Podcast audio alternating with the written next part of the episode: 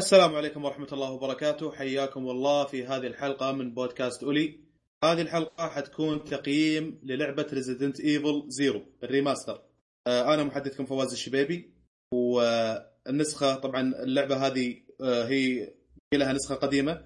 النسخة القديمة اللي هي النسخة العادية كانت موجودة على الوي وعلى الجيم كيوب أنا لعبتها على ال PS 4 remaster آه، اللعبة حتكون متوفرة في جهاز إكس بوكس 360 وفي بلاي ستيشن 3 وفي ال PC وفي PS 4 وعلى إكس بوكس 1 يعني على جميع المنصات. ريزيدنت ايفل زيرو remaster طبعا المطور والناشر لهذه اللعبة هي كاب كوم اللعبة تتكلم عن قبل ريزيدنت ايفل الجزء الأول لذلك اسمها ريزيدنت ايفل زيرو اللعبة هي prequel الاجزاء الثلاث الأولى اللي يتذكر الجزء الأول من ريزيدنت ايفل كان في قصر. هاللعبة تتكلم عما قبل الأحداث اللي صارت في القصر هذا. طبعا اللعبة كانت موجودة زي ما ذكرنا على آه، الجيم كيوب نتجت عام 2002 والآن هذه remaster وتاريخ إطلاقها هو 19 January 2016 بيكون سعرها العالمي 20 دولار وبتكون ب 99 ريال على الاكس بوكس 1 وب 80 ريال على ال PC. طيب آه الآن ننظر إلى يعني بعض آه، جوانب التقييم وتحديدا حتكون أربع جوانب اللي هي القصة وال gameplay والتحكم وال graphics.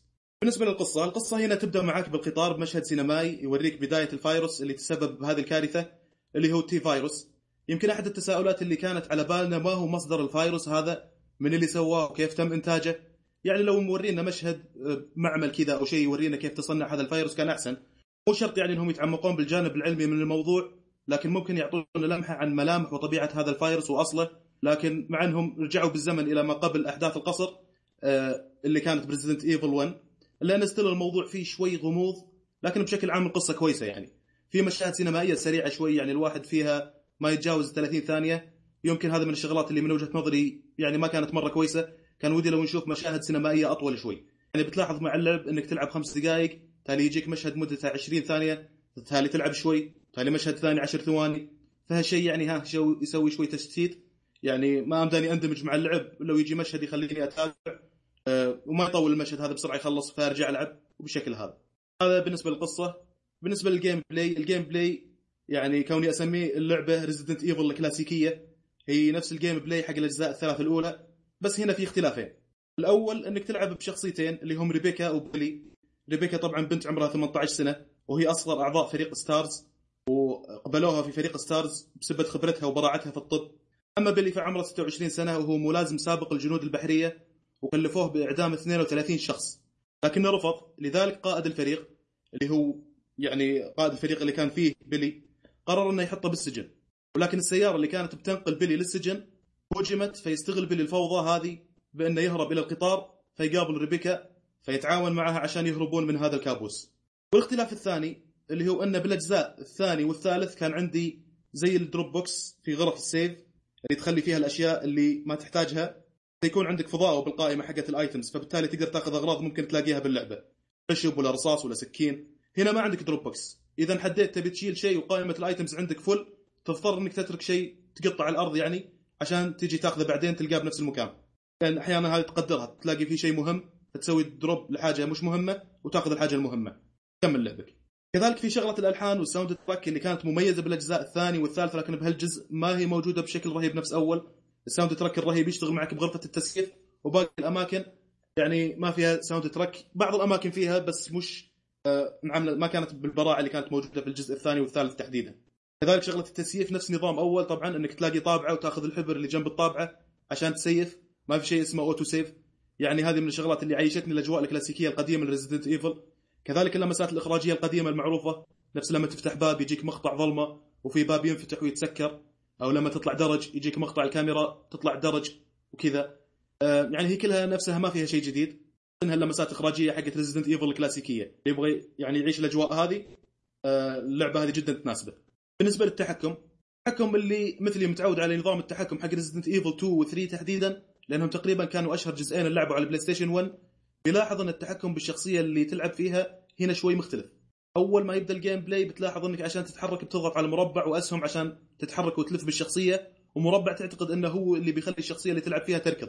لكن بتدرك إن مربع هنا يخليك تروح للقائمة اللي فيها ال items اللي عندك اللي هي ال items انه ممكن يكون عندك نباتات مسدس رصاص وغيره فبتضغط مربع مرة ثانية عشان ترجع للعب تتحكم بالبكره أو الأنالوج عشان تتحكم بالشخصية تخليها تركض.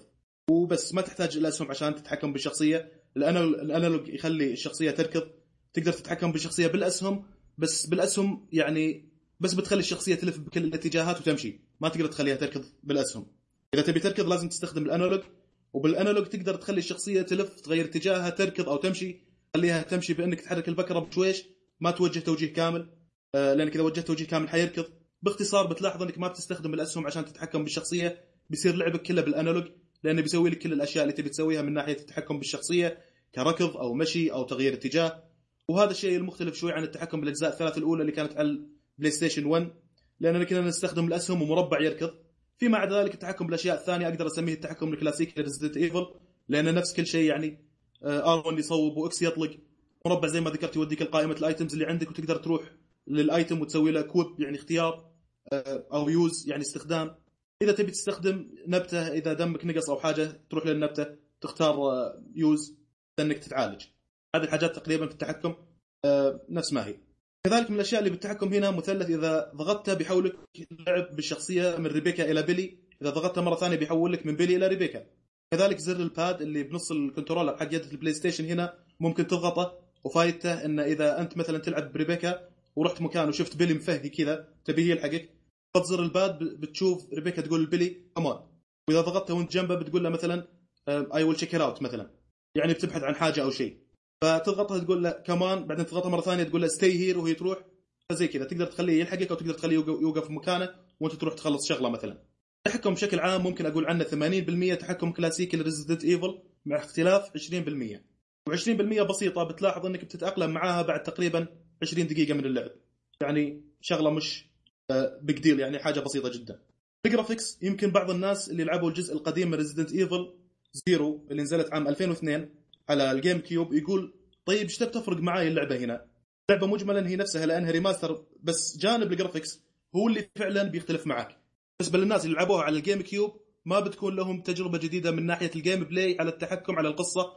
هذه كلها هي هي بس اللي بيفرق معك ال graphics وهذه بتلاحظها آه، بيلاحظها اللي لعب الجزء القديم اللي كان على ال GameCube زي ما ذكرت بيلعب هالجزء بيلاحظ فرق في جودة ال graphics إنها هنا أحسن بكثير. وكذلك بالنسبة للناس اللي مثلي اللي ما لعبوا الجزء القديم اللي نزل على ال GameCube ممكن يشوف صور مقارنات موجودة في بعض المواقع الرسمية أو يشغل بال YouTube gameplay حق Resident Evil Zero على ال GameCube وبيلاحظ الفرق. أنا شخصيا جربتها ومن ملاحظتي لل graphics حق اللعبة في ال GameCube أقدر أقول إنه زين منهم كان في graphics بالشكل هذا أيام ال GameCube بس still ال graphics باللعبة على ال PS 4 أفضل بكثير طبعا. طبعا بطبيعة الحال إنهم مستخدمين إضاءة أفضل و HD وغيرها من التقنيات اللي تخلي ال graphics أفضل. بشكل عام كلعبة remaster أقدر أقول إن ال graphics جدا ممتاز متماشي مع ال gameplay اللي تعودناه من في Resident Evil الشيء الثاني اللي اكد عليه إن جانب ال graphics هو أكبر جانب بيحس فيه اللي بيلعب اللعبة هذه وقد لعبها على ال GameCube هذا الشيء اللي بيبين معاه الآن في جودة بال graphics وفي الرسوم أعلى من أول. وأخيرا من سلبيات اللعبة بعض الألغاز اللي ما تدري أصلا إنك في لغز تلقى نفسك تحوس تضيع تضيع وقت كذا ما أنت عارف وين تروح. فهذه الشغلة شوي بتحس إنها تضيع اللغز أصلا أحيانا يكون ما هو واضح. يعني زي اللي ينتظر منك جواب السؤال ما انطرح أصلا أو صياغة السؤال ما هي واضحة للي بيجاوب. يعني كيف تنتظر آه، جواب من واحد بعد ما استوعب إنه في سؤال أصلا أو إنه في لغز. أما الإيجابية الكبرى اللي ممكن تحصل عليها من هاللعبة إنك تخوض تجربة تشبع فيك شيء من الحنين إلى الماضي. فيها عبق Resident Evil القديمة الكلاسيكية. في نفس الوقت تأخذ هالتجربة ب graphics محسن وجودة أفضل في الرسوم. يعني اللعبة أنا أشوف إنها تستاهل وقتك. خلاصة اللي وده يلعب جزء كلاسيكي Resident Evil هذه اللعبة مناسبة إنك تقتنيها خاصة وإن سعرها مو غالي أشوف إن سعرها مناسب جدا آه، نظرا للمحتوى وال gameplay ودام أشكركم أنكم سمعتوا هذا التقييم ولا تنسون تسمعون حلقاتنا الماضية وحساباتنا على تويتر وعلى آه، مواقع التواصل الثانية. وشكرا لكم.